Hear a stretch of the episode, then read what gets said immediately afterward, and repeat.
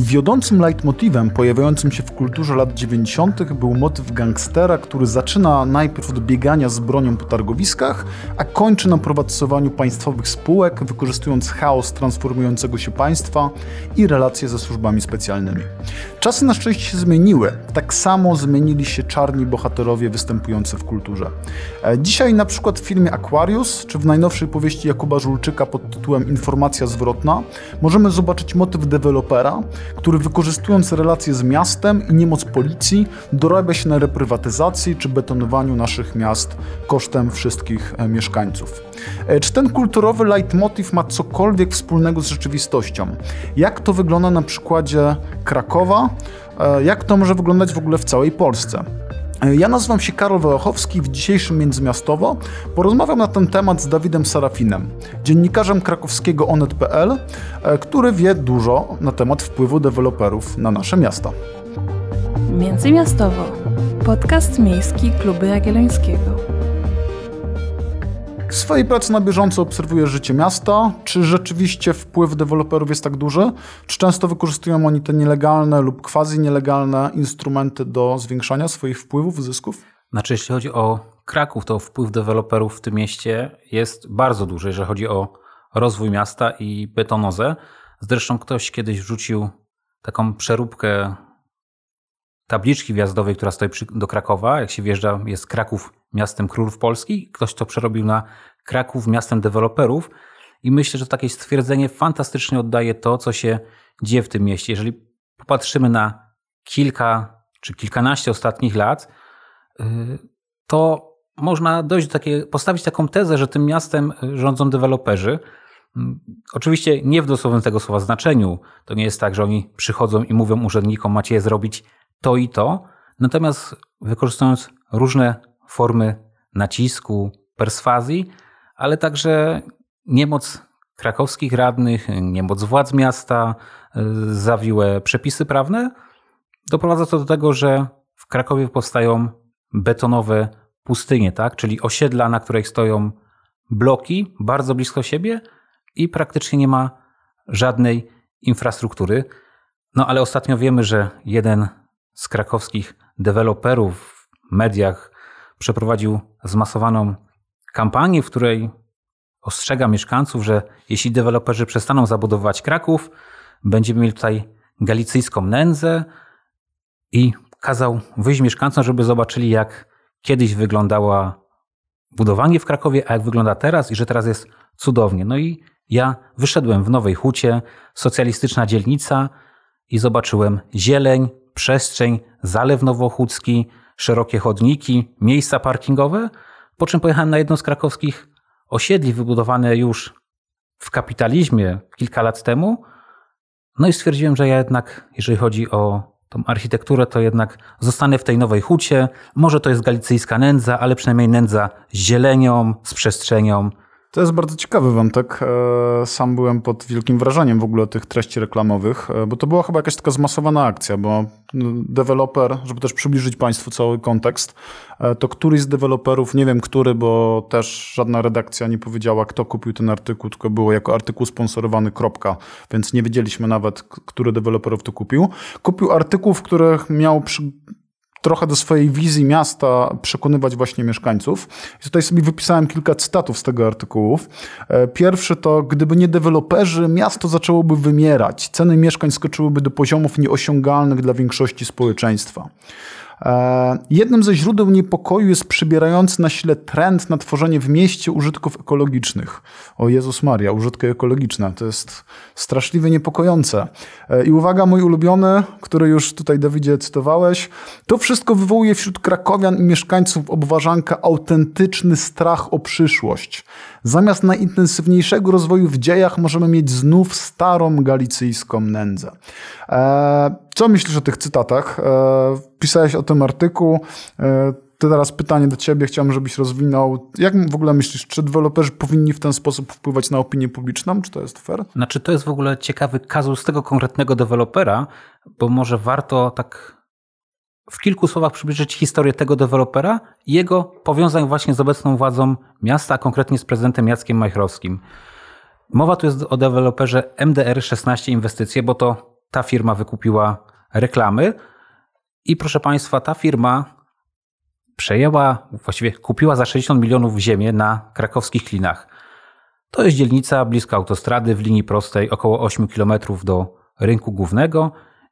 Ale żeby zrozumieć tą historię, musimy się cofnąć właściwie 20 lat wstecz, kiedy to beneficjent rzeczywisty tej firmy, czyli osoba, która czerpie z niej korzyści, razem z obecnym prezydentem Krakowa Jackiem Majchrowskim prowadzili kancelarię prawną, współpracowali ze sobą. Czyli był jego wspólnikiem po prostu. Tak, Tak, panowie ze sobą współpracowali i ten deweloper, ten pan deweloper y, w tamtym okresie został zatrzymany, trafił do tymczasowego aresztu. W Katowicach toczyło się śledztwo, tam wyrok się już zatarł, więc nie możemy mówić o co konkretnie chodziło. W każdym razie wtedy Jacek Majchrowski, jeszcze nie będąc prezydentem, ale już po tym jak był wojewodą krakowskim, podpisał dokument, y, właściwie zaświadczył o tym, o uczciwości tego dewelopera. No i dwa dni po tym zaświadczeniu w prokuraturze ten deweloper wyszedł na wolność. Te ścieżki panów gdzieś przez te lata cały, cały czas się stykały, aż spotkały się na klinach. Teren, o którym mówimy, jest terenem, gdzie do niedawna jeszcze rosły cenne przyrodnicze gatunki roślin. Natomiast w ostatnim czasie deweloper przejął ten teren w maju bieżącego, roku, zaorał go do zera. Dlaczego to jest takie ważne? Ponieważ już dwa i pół roku temu krakowscy radni poprosili pana prezydenta o to, żeby utworzył tam użytek ekologiczny. No i tak ten czas mijał, mijał, mijał, mijał, aż deweloper kupił ten teren, zaorał wszystko, no i najprawdopodobniej będzie budować tam bloki. Yy, Więc cieszymy się oczywiście tutaj z dewelopera. Dziękujemy deweloperowi tutaj tak na, na antenie, że jednak wyzwala z tej galicyjskiej nędzy. Faktycznie ten trend, w którym mieszkańcy jednak chcą terenów zielonych, chcą użytków ekologicznych, no dobrze, że jest ukracany. No to, to tak trochę ironicznie, tak? ale to jakby pokazuje właśnie działania władz miasta. To jest jeden przykład. Yy, Inne przykłady są takie, że tuż przed wejściem w życie planów zagospodarowania przestrzennego, które szczegółowo określają, co może powstać na danym terenie, i tuż przed wejściem w życie takich planów nagle okazuje się, że deweloperzy dostają pozwolenia na budowę na terenach, które w planie są określone jako tereny zielone. To w efekcie powoduje, że jak już deweloper dostanie takie pozwolenie, to niezależnie czy ten plan wejdzie, czy nie, no to może ten teren zabudować. Czyli w praktyce to ten deweloper musi wiedzieć wcześniej, w jakiej klasyfikacji będzie ten jego grunt. Tak? Czyli po, po wejściu tego e, MPZP, no to on wtedy nie będzie mógł budować, więc tak naprawdę w jego interesie jest to, aby jak najszybciej to zrobić, no bo inaczej te tereny tracą wartość. Yy, Dokładnie tak. I często jest tak, że właśnie tuż przed wejściem planu deweloperzy dostają pozwolenia i właściwie ten plan, który według urbanistów zakładał ładne, fajne osiedle z przestrzenią zielenią, nagle okazuje się betonową pustynią. I jest to praktyka nagminna w Krakowie. Takich przykładów moglibyśmy mnożyć. Zresztą jeden z moich ulubionych przykładów to jest też e, samowola budowlana na ulicy Centralnej, gdzie nad e, domkiem jednorodzinnym powstał szkielet bloku, który został wstrzymany, więc to, no to ciężko wytłumaczyć, ale to jest po prostu ktoś zbudował szkielet bloku nad domkiem jednorodzinnym. Doskonały pomysł. E, Sam obok swojego bloku mam taką bardzo wąską działeczkę. Tylko codziennie praktycznie wypatruję, co tam można wybudować, bo też patrząc na różne sukcesy naszych tutaj budowniczych w Krakowie, no to wydaje mi się, że 15 pięter swobodnie tam można wcisnąć e, bez problemu, więc jestem w stanie sobie też wyobrazić, że coś takiego się mogło wydarzyć.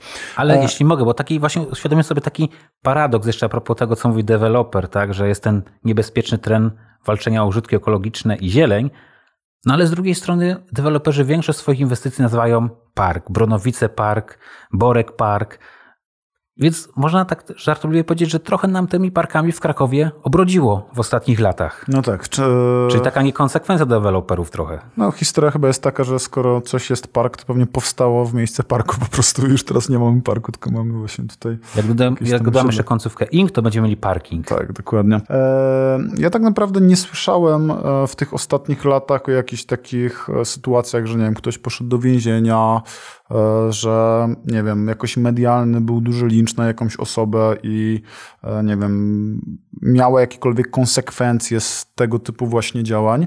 A tak jak kilka lat temu właśnie z kolegami z Netu przedstawiliście, tych spraw, które były niezbyt czyste, były gdzieś tam na krawędzi prawa lub nawet były bezprawne, e, było ich ponad 50, o ile się nie mylę, tak jak przyglądaliście e, dokumenty.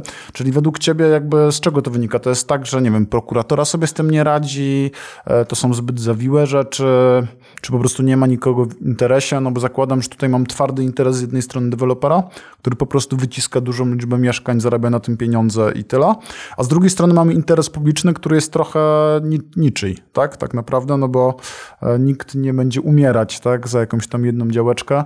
E, pewnie powinni robić to radni, ale to już pewnie do radnych przejdziemy potem. E, to z czego to według ciebie wynika? Znaczy, to może też jeszcze taką jedną rzecz, rzecz zaznaczę, że jakby wszyscy wiemy, że miasto musi się rozwijać. I tutaj jakby myślę, że wszyscy się zgadzamy, że Kraków powinien się rozwijać. Myślę tylko, że nie wolno dawać znaku równości między rozwojem miasta a betonozą. Faktycznie w ostatnich latach prześwietliliśmy bardzo dużo inwestycji, z których około 50 budziło kontrowersje. Wydaje mi się, że ta niemoc y, wynika z kilku spraw. Po pierwsze, dozawie materii, jeżeli chodzi o kwestie prawne. Po drugie, prokuratorzy są też rozliczani z wyników i efektów, a często takie sprawy ciągną się latami, bo jest to kwestie, tak jak mówię, bardzo zawiłe, więc żadnemu z prokuratorów, może nie żadnemu, ale prokuratorom raczej nie zależy na zajmowaniu się takich spraw, no bo w statystykach im pokazuje, że pewne sprawy ciągną się latami, co już u ich przełożonych budzi zastrzeżenia, więc to, wydaje mi się, taki czysty pragmatyzm. A przede wszystkim, no chyba nikomu nie zależy, że jakoś tak się przyzwyczailiśmy, że, że nic nie można z tym zrobić. No i przykłady choćby ostatnio dwa sztandarowe, mieszkańcy osiedla Ruczaj. Dla tych osób, które nie wiedzą, nie są z Krakowa, osiedle Ruczaj to jest taka właśnie dość, przynajmniej w części dość betonowe osiedle, które dalej się zabudowuje i mieszkańcy do właśnie powstającego planu zgłosili około tysiąc uwag, w których nie byli przeciwni dalszej zabudowie, tylko chcieli, żeby ta zabudowa była ograniczona, tak żeby było miejsce też na tereny zielone. No to wszystkie tysiąc uwag mieszkańców trafiły do kosza rękoma prezydenta. Kilka tygodni temu była podobna sytuacja, tym razem na osiedlu podwawelskim, gdzie 1800 uwag mieszkańców w związku z zielenią trafiło do kosza. Więc myślę, że też chyba mało kto wierzy, że te protesty czy te konsultacje społeczne cokolwiek mogą przynieść.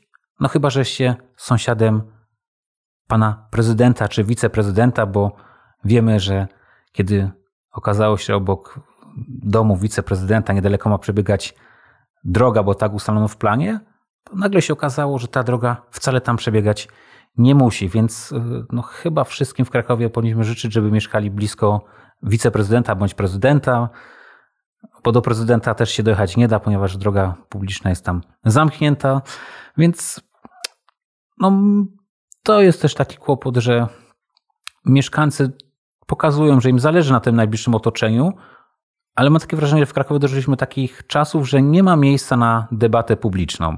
Mimo wszystko, że jeżeli ktoś wyrazi inne zdanie niż zdanie prezydenta, jest osądzany od czci i o wiary, że jest y, na pewno w jakimś układzie politycznym, że nie docenia tego, co prezydent Majchrowski zrobił.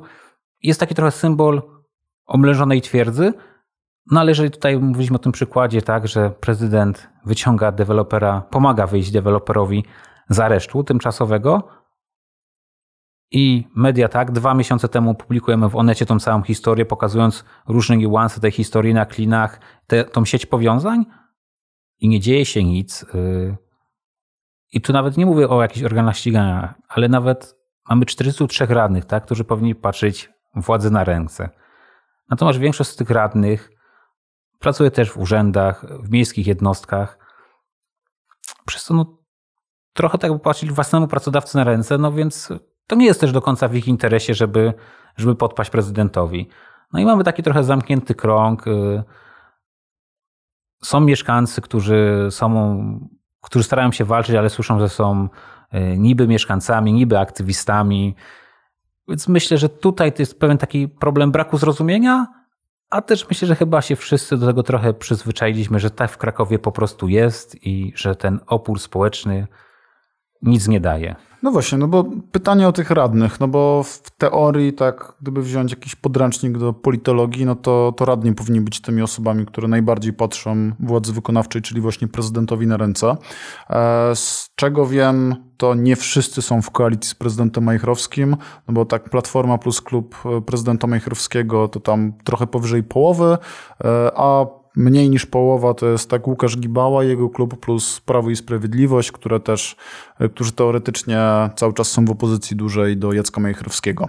No więc jakby dlaczego oni nie sprawują tej roli, dlaczego oni nie biegają za tymi tematami? No bo gdybym ja był politykiem w opozycji, no to dla mnie takie tematy to byłoby niesamowite paliwo polityczne, tak? No bo tak jak swego czasu Janek Śpiewak w Warszawie zdobył duży kapitał polityczny na walce z reprywatyzacją, tak prawdopodobnie zakładam, że właśnie ta walka z, z, z, to, z tymi dziwnymi relacjami z deweloperami mogła być takim paliwem politycznym w Krakowie. E, mogłaby być, ale jeżeli popatrzymy też w tych wśród naszych przykładów, które wtedy przeanalizowaliśmy, również były przykłady, w które, w które byli zaangażowani politycy PiSu, starając się na przykład, żeby zmienić plan zagospodarowania w okolicach Zakrzówka, po to, żeby zakonnicy mogli wznieść swoją e, budowę. No więc, e, tak jak mówię, jeżeli weź popatrzymy na radny, jakie sobie liczyłem, bodajże około 30-35 jest na, otrzymuje pensję szeroko pojmowanego budżetu państwa, tak, czy budżetu miasta, państwa. Na 43 radnych zdecydowana większość to są pracownicy urzędu, więc no tutaj ciężko mówić jakiejkolwiek kontroli. A poza tym myślę, że ten podział w Krakowie, opozycja, koalicja, on jest bardzo płynny, bo, bo często radni E, PiSu głosują e, z radnymi Platformy. E, zresztą to, to są niesamowite obrazki. Jak się tak posłucha czasem sesji, to wydaje się, że ci radni, oni się strasznie nie lubią, spierają się ze sobą, ale kiedy gasną właśnie blaski, kiedy gasną kamery, kiedy sesja się kończy, to oni normalnie ze sobą idą na piwo, rozmawiają, ustalają pewne rzeczy, więc, więc to nie jest tak, jak się czasem nam wydaje i mam takie wrażenie, że w Krakowie jednak no, nikomu nie zależy na tym, żeby, żeby zadbać o tą przestrzeń publiczną. Może nie nikomu, ale jeżeli chodzi o radnych, to pewnie na palcach jednej ręki moglibyśmy wyliczyć radnych, którzy faktycznie starają się i próbują. I myślę, że tutaj jest jednak problem jest to, gdzie ci radni też pracują. Jeżeli pracują na urzędowych stanowiskach, no to dla mnie jest to pewien konflikt interesu. Mhm. E, też taka hipoteza, która właśnie spytam cię, czy jest prawdziwa, e, czy nie, no to jedna z hipotez też jest taka, że na tym szczeblu lokalnym trudno jest o fundusze w trakcie kampanii wyborczej, no bo generalnie mało jest osób, które na tyle jakby interesuje się tą polityką lokalną, żeby wspierać jakiegoś konkretnego polityka finansowo, czy to właśnie własną pracą. E, więc to deweloperzy jako grupa, dla nich tam wydanie paru dziesięciu tysięcy złotych na kampanię któregoś polityka to jest pewnie pryszcz przy większych inwestycjach, a dla takiego lokalnego polityka to jest game changer. No więc na ile to też jest tak, że oni po prostu finansują bezpośrednio jakieś tam kampanie i tak dalej, lokalnych polityków? Bezpośrednio może nie, bo to potem łatwo jest sobie sprawdzić na wykazie osób, które wpłacały, ale już na przykład pośrednio poprzez jakieś e, swoich znajomych, na przykład z Opola, e, bo wtedy już jest trochę ciężej do tego dojść, ale faktycznie zdarzają się takie sytuacje, że deweloperzy bądź osoby, które są znajomymi deweloperów, wpłacają na kampanię e, prezydenta. Bodajże chyba parę lat temu Gazeta Krakowska pisała taki kazus, że jedna z osób, która wpłaciła na kampanię prezydenta Machrowskiego, mogła potem liczyć na y, udogodnienia w planie zagospodarowania przestrzennego. Ostatecznie to właśnie po tym, jak chyba Gazeta Krakowska nagłośniło, upadło, ale do tego momentu jakby wszystko szło po myśli tej osoby. I właśnie to, co mówisz, Kraków, mimo że jest to drugie co do wielkości miasto w Polsce, to naprawdę jest takim, ma taki klimat takiej mało miasto, małomiasteczkowy, gdzie wszyscy ze wszystkimi się znają. Zresztą jak popatrzymy też na te nazwiska, tak, i urzędników wysokiego szczebla i władz miasta, to one od tych 20 lat są podobne. Zmieniają się może ich stanowiska. I jak popatrzymy na krakowską radę, no to jedyny komu udało się w jakiś sposób rozbić y, albo wejść do rady, może tak, y, to jest Łukasz Gibała ze swoją trójką, teraz już dwójką radnych, ale tylko dlatego, że miał duże, duże finanse, tak, że jakby był niezależny finansowo, więc sobie na to pozwolił. Jeżeli patrzę na przykład na miejskich aktywistów, którzy próbowali wejść do rady, to choć to też jest ciekawy kazus, choć zdobyli 7%, to ani jednego radnego swego nie wprowadzili. Faktycznie kampania jest uzależniona potem od finansów, no więc znowu mamy to błędne koło, tak? No i to jest, i trzeba powiedzieć, to nie jest tego problem Krakowa. Zresztą w Krakowie jest jeszcze jeden problem, bo z jednej strony mamy deweloperów pozwolenia na budowę, a z drugiej strony przez lata była kwestia związana e, z przejmowaniem kamienic i odzyskiwaniem mienia pożydowskiego. I to też w ogóle tutaj są kapitalne historie, znaczy kapitalne w cudzysłowie historie, kiedy na przykład e, przyjeżdżał pełnomocnik właściciela kamienicy, pokazywał w krakowskim sądzie, że on jest pełnomocnikiem, e, tam bodajże 140-letniego mężczyzny, i krakowski sąd mówił piękny wiek i przekazywał kamienicę temu panu i ten pan potem jako pełnomocnik sprzedał sobie tą kamienicę za dolara. Więc takich historii w Krakowie jest dużo. One, możemy się uśmiechać, tak, ale no trzeba mieć tego świadomość, że te rzeczy się dzieją w tym mieście, chociaż może czasem lepiej nie mieć tej świadomości, po prostu cieszyć się tym miastem, bo pamiętam, że zawsze mi się Kraków jawił jako takie właśnie idealne miejsce życia, cudowne, a kiedyś zacząłem, zacząłem się wgryzać właśnie w tą taką politykę i te lokalne układy, no to już, już trochę inaczej na to miasto patrzę. To jest chyba ciekawy trend, bo tak jak te 10 lat temu, to mam wrażenie jeszcze, że taka świadomość w ogóle funkcjonowania miasta była dużo mniejsza i ludziom trochę nie przeszkadzały te osiedla zabetonowane za tym płotem zawsze zamkniętym i bez żadnych usług, no bo to też jest chyba e, szerszy w ogóle temat, że raczej że mieszkańcy miast e, zwykle w Polsce pochodzą ze wsi po prostu i też nie są jakby, nie mają e, dużej wiedzy o miejskim życiu, więc nie zwracali do tej pory na to tak mocno uwagi. No ale teraz mamy taki trend, że właśnie już mieszkamy coraz dłużej w tych miastach, coraz więcej się dowiadujemy, też jest coraz więcej treści się pojawia gdzieś tam w mediach, więc wszyscy nagle zastanawiają się, co się dzieje. To, o czym chyba przed anteną rozmawialiśmy, czyli to, że wybuchła pandemia i w trakcie pandemii okazało się, że jednak nie można się tak łatwo poruszać i e, wszystko, na co możemy sobie pozwolić, to spacer wokół naszego bloku. No i nagle się okazuje, że wokół tego naszego bloku nie ma co spacerować, bo tam nic po prostu nie ma. No więc to są chyba te wszystkie trendy, które też pokazują, że też ci deweloperzy coraz mocniej muszą jakoś kombinować, żeby wychodzić na to, co, co chcą, no bo ten upór, opór mieszkańców jest chyba e, coraz bardziej silniejszy.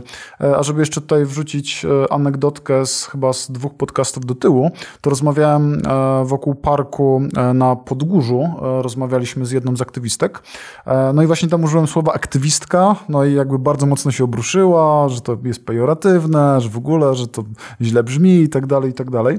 No i wyszła też ciekawa rozmowa, że w Krakowie aktywista to jest ktoś, kto się źle tak. kojarzy, tak? E, to jest często traktowane jako obelga, chociaż tak kurczę, tak podręcznikowo, no to sorry, to jest taki mieszkaniec, którym się trochę bardziej chce interesować, nie? Więc jakby to miasto to jest, to jest sól tej ziemi po prostu. Zresztą tak? zauważ coś a propos tego aktywizmu. Faktycznie w Krakowie to jest y, negatywny stosunek, że aktywista to jest ktoś, kto krzyczy. I chodzi, i właściwie nie wiadomo o co mu chodzi, i tylko przeszkadza temu wspaniałemu urzędnikowi, który tutaj stoi na straży miasta Krakowa. I jest w tym coś takiego, że dlaczego też właściwie ten, to słowo aktywista w Krakowie jest takie negatywne? Wydaje mi się też, że jest kwestia właśnie jednak y, ludzi pana prezydenta Majchrowskiego, którzy każde zdanie inne niż prezydent starają się dość mocno zakrzyczeć, zagłuszyć, a mam tego możliwości, tak, bo choćby Gazeta Kraków.pl, która się ukazuje w 40 chyba tysięcznym nakładzie obecnie, no to daje takie możliwość, żeby kształtować tą politykę informacyjną miasta, w której właśnie ten aktywista jest ukazywany jako ktoś taki, ten zły, a tak naprawdę jest to mieszkaniec, który, któremu zależy na najbliższym otoczeniu, bo głównie tak jest, tak? że są to mieszkańcy, którzy nagle dostrzegają coś w swoim otoczeniu, coś, co by chcieli zmienić i zamiast tego potencjału skorzystać, to my jakby zabijamy ten, ten ludzki kapitał. To jest świetnym przykładem dla mnie krakowski alarm smogowy, który kilka lat temu był uznawany za, jeżeli chodzi o smog, za oszołomów. Zresztą pamiętam nawet taki komunikat miasta, że nie mówmy o smogu, bo odstraszymy turystów. Ale kiedy okazało się, że jednak mieszkańcom zależy na tej walce o czyste powietrze, ten krakowski alarm smogowy odnosi sukces, że w końcu faktycznie w Krakowie urzędnicy wespół z tymi aktywistami czy mieszkańcami spowodowali, że ten smog jest mniejszy, to na sam koniec Kraków.pl, Kraków wydał właśnie gazetę Kraków.pl, w której pokazał, że wygrał walkę ze smogiem, i w całym numerze poświęconym tej walce o świeże powietrze, o czyste powietrze, nie było ani razu wymienionego krakowskiego alarmu smogowego, od którego wszystko się zaczęło, tak? I dlatego to są takie rzeczy, które mnie strasznie dziwią i które nie powinny mieć miejsca. A jeszcze jedna rzecz, o której powiedziałeś o tych, że dostrzegamy coraz bardziej, co się wokół nas dzieje, to faktycznie 10 lat temu myślę, że to było mniej dostrzegalne, bo wielu mieszkańców Krakowa jest osobami, które przyjechały i nie ma w tym nic złego, które, które chcą w tym mieście mieszkać. I na początku były to osoby, które w jakiś sposób tak dorabiały się, czy to mieszkania, czy w pracy.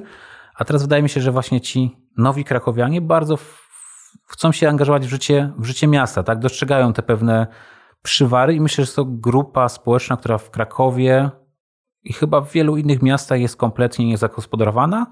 Ich potencjał, ich kreatywność, szczególnie są to ludzie młodzi, którzy jeżdżą po świecie, niejedno widzieli i myślę, że mogliby fajnie wpłynąć na życie miasta, a to się nie dzieje, tak? I, i przykładem jest choćby, choćby akcja ratunkowa dla Krakowa, tak? gdzie jest, są tam osoby, które wróciły z zagranicy yy, z głową pełną pomysłów, co można było zrobić w Krakowie i zarzut do nich jest taki, że mieszkały wcześniej za granicą i nie powinny się teraz wypowiadać, tak? Więc ze strony urzędników, więc, więc ja tego nie rozumiem, tak? Bo to naprawdę można czerpać z tych pomysłów mieszkańców i wspólnie coś fajnego robić. A to się w Krakowie nie dzieje i myślę, że długo się jeszcze nie zadzieje. No właśnie, no bo pytanie, mówisz, że można byłoby to wykorzystać, można byłoby coś tam wspólnie robić. E, pytanie, czy możliwa jest w ogóle jakakolwiek równowaga pomiędzy tymi interesami mieszkańców i deweloperów? No bo ja też część argumentów deweloperów rozumiem, to znaczy na przykład fakt, że te ścieżki e, uzyskiwania zezwoleń są bardzo długie, to jest pewna patologia i zakładam, że gdybym ja był deweloperem i czekał 5 lat na pozwolenie, to po prostu bym się wściekł, bo oni też pewnie zatrudniają pracowników, mają jakieś tam plany, mają zamrożone pieniądze i tak dalej, i tak dalej. E, no ale z drugiej strony, tak, mieszkańcy mają interes w tym, że chcą po prostu dobrego miasta, tak, a miasto jest czymś takim, że to przestrzeń jest ograniczona i to nie jest tak, że ten deweloper sobie buduje jak w Teksasie gdzieś tam na swoim polu i tam nikomu nie wchodzi w głowę, e, w drogę. E, no więc pytanie, jak ta równowaga mogłaby wyglądać? Czy masz jakieś pomysły? Znaczy, bo tak sobie tutaj o tych deweloperach mówimy, ale to trzeba powiedzieć, trzeba też powiedzieć, że w tym mieście jest dużo deweloperów, którzy jednak, że tak powiem, są pozytywni, tak? Są inwestycje, które faktycznie są realizowane zgodnie z jakąś tam myślą e, o tych mieszkańcach, że nie tylko jak najwięcej bloków, żeby ta przestrzeń była. Tak samo rozumiem deweloperów, tak? No bo zadaniem dewelopera jest wybudować blok, e, zarobić na tym i jakby to jest dla mnie wszystko jasne, tak? Natomiast to, czego brakuje w mieście, w Krakowie uważam, że brakuje debaty i rozmowy, że jednak jest y, ten podział, ten zły deweloper i mieszkańcy walczący o zieleń. Y, do tego są urzędnicy, którzy mówią, że miasto musi się rozwijać. Ja myślę, że pierwsze, co powinno nastąpić, to jednak y, rozmowa, ale też jakaś taka wspólna, jakaś taka wizja miasta, tak, jak ono chce się rozwijać. Bo na przykład, gdyby ktoś zapytał, jaka jest wizja rozwoju obecnych władz miasta przez ostatnie 10, 10 lat, to ja nie wiem, jak, jak, do jakiego Krakowa mieliśmy dążyć, tak? jaki, jaki Kraków miał zostać zbudowany, na czym miało, miało to wszystko zostać oparte. Co świetnie pokazuje pandemia, tak? Y, zabrakło turystów i nagle miasto stało się martwe. No, chyba, tak, tak mi się wydaje, że ta ostatnia kadencja e, prezydenta Majchrowskiego, no to robienie takich małych, drobnych rzeczy, tak, jakby i to tyle. Pytanie, czy to właśnie powinna być rola władz dużego miasta, czy jakoś tam bardziej sterowanie tym rozwojem. E, mi się wydaje, że powinien być jakiś tam kierunek. Znaczy, wiesz, mówimy, mówimy o mieście ponadmilionowym, drugim największym mieście w Polsce, gdzie kilka tygodni temu do rangi największego problemu urzędu rosło to, że e, jeden z mieszkańców postawił ławeczki na terenie dawnego obozu, co oczywiście wywoła kontrowersję, ale nie uważam, żeby to był pierwszy i palący problem miasta, tak, i angażowanie się w ten problem. E, w takim stopniu, w jakim się miasto zaangażowało, tak, że, że do, doszło do po prostu absurdalnej sytuacji, tak, że jeden z urzędników prezydenta porównał do hitlerowca, a wystarczyło powiedzieć bo może nakreślić sytuację, tak? Mieszkańcy chcieli ławek na terenie, który kiedyś był obozem, teraz jest terenem porośniętym przez drzewa i, i, i trawę, gdzie wcześniej miasto też postawiło ławki, ten mieszkaniec postawił te ławki i wystarczyło powiedzieć, Panie Mateuszu, no bez pozwolenia tych ławek nie możemy postawić, ale bardzo dziękujemy, że Pan je kupił. No i jak tylko będzie pozwolenie, to postawimy, tak? A tu się znowu zabrakło tego dialogu. Myślę, że tego dialogu brakuje w wielu y, kwestiach spornych w mieście, gdzie być może gdyby ten dialog się wcześniej pojawił, to może nie byłyby te sytuacje potem takie już dość napięte. A często też wynika z tego, że mieszkańcy nie mają pewnej wiedzy o całości funkcjonowania miasta. prezydent w sumie nie jeździ na spotkania z mieszkańcami, którzy mają jakieś takie właśnie problemy e, całych dzielnic, więc myślę, że to brakuje tej rozmowy i miejsca na debatę. No tak, no tylko żeby była ta rozmowa, to trzeba mieć podmiotowość, to znaczy traktować się nawzajem poważnie. Tak jak właśnie też z tego, co mówisz, też z moich doświadczeń, no to albo jesteś członkiem tej familii wokół prezydenta i wtedy jesteś brany na poważnie, bo wtedy masz jakieś tam interesy i tak dalej i wtedy wtedy jesteś partnerem do rozmowy. Albo jeśli nie jesteś, no to wtedy jesteś właśnie tym krzykaczem, który tam jakimś tam ciemnym siłom odpowiada i tak dalej, więc to chyba bez tego po prostu się nie odbędzie. A często nie są to krzykacze, tylko mieszkańcy, którym zależy na tym mieście. Myślę, że podobnie jak y, wielu urzędnikom, bo to też nie można demonizować, że urzędnik jest tym złym, bo w urzędzie pracuje wielu fantastycznych, fantastycznych osób, bez których wiele projektów by się nie udało. No ale gdzieś to właśnie, jeżeli chodzi o te szczyty władzy, no myślę, że dobrze bym zrobiło czasem zamiast limuzyną przesiąść się na tramwaj, posłuchać o czym mieszkańcy mówią, przejechać się w piątkowy wieczór y, taksówką, pójść na, y, do, na Kazimierz, na krakowskie Podgórze, w weekend przejść się nad Zalewem Nowochódzkim i posłuchać o czym ci mieszkańcy mówią, czym żyją, jakie są ich problemy. I myślę, że, że prezydenci, wiceprezydenci tego miasta naprawdę byli zaskoczeni, że to jest zupełnie trochę inaczej niż sobie wyobrażają. No, za dwa i pół roku wybory, więc być może będzie, będzie okazja do tego, żeby właśnie władze też zaczęły jakoś tam słuchać tych mieszkańców. E, dobrze, to wszystko na dziś e, w Międzymiastowo. E, dziękujemy bardzo za wysłuchanie audycji. Zachęcamy do przesłuchania innych audycji, które dotyczyły krakowskiej deweloperki nie tylko krakowskiej deweloperki. Zachęcam też do przeczytania na klubjagielloński.pl tekstu Ady Nawrockiej, e, która e, bardziej tutaj analitycznie, szczegółowo badała siedem grzechów głównych krakowskiego planowania przestrzennego. Dziękujemy bardzo i do usłyszenia za tydzień. Międzymiastowo. Podcast miejski Klubu Jagiellońskiego. Produkcja tego odcinka została sfinansowana ze środków otrzymanych w ramach Programu Rozwoju Organizacji Obywatelskich na lata 2018-2030, których operatorem jest Narodowy Instytut Wolności Centrum Rozwoju Społeczeństwa Obywatelskiego. Pozyskany grant pozwoli nam w najbliższych 18 miesiącach rozwijać nie tylko nasz podcast, ale i inne działania w tematyce miejskiej na portalu klubjagielloński.pl. Spodziewajcie się więc kolejnych podcastów, podgłębionych artykułów, ale i spotkań i dyskusji online. Gorąco zachęcam również do dołączenia do naszego zespołu seminaryjnego. Więcej szczegółów uzyskacie pisząc do nas na Twitterze lub poprzez profile Klubu Jagiellońskiego na Facebooku czy na Instagramie.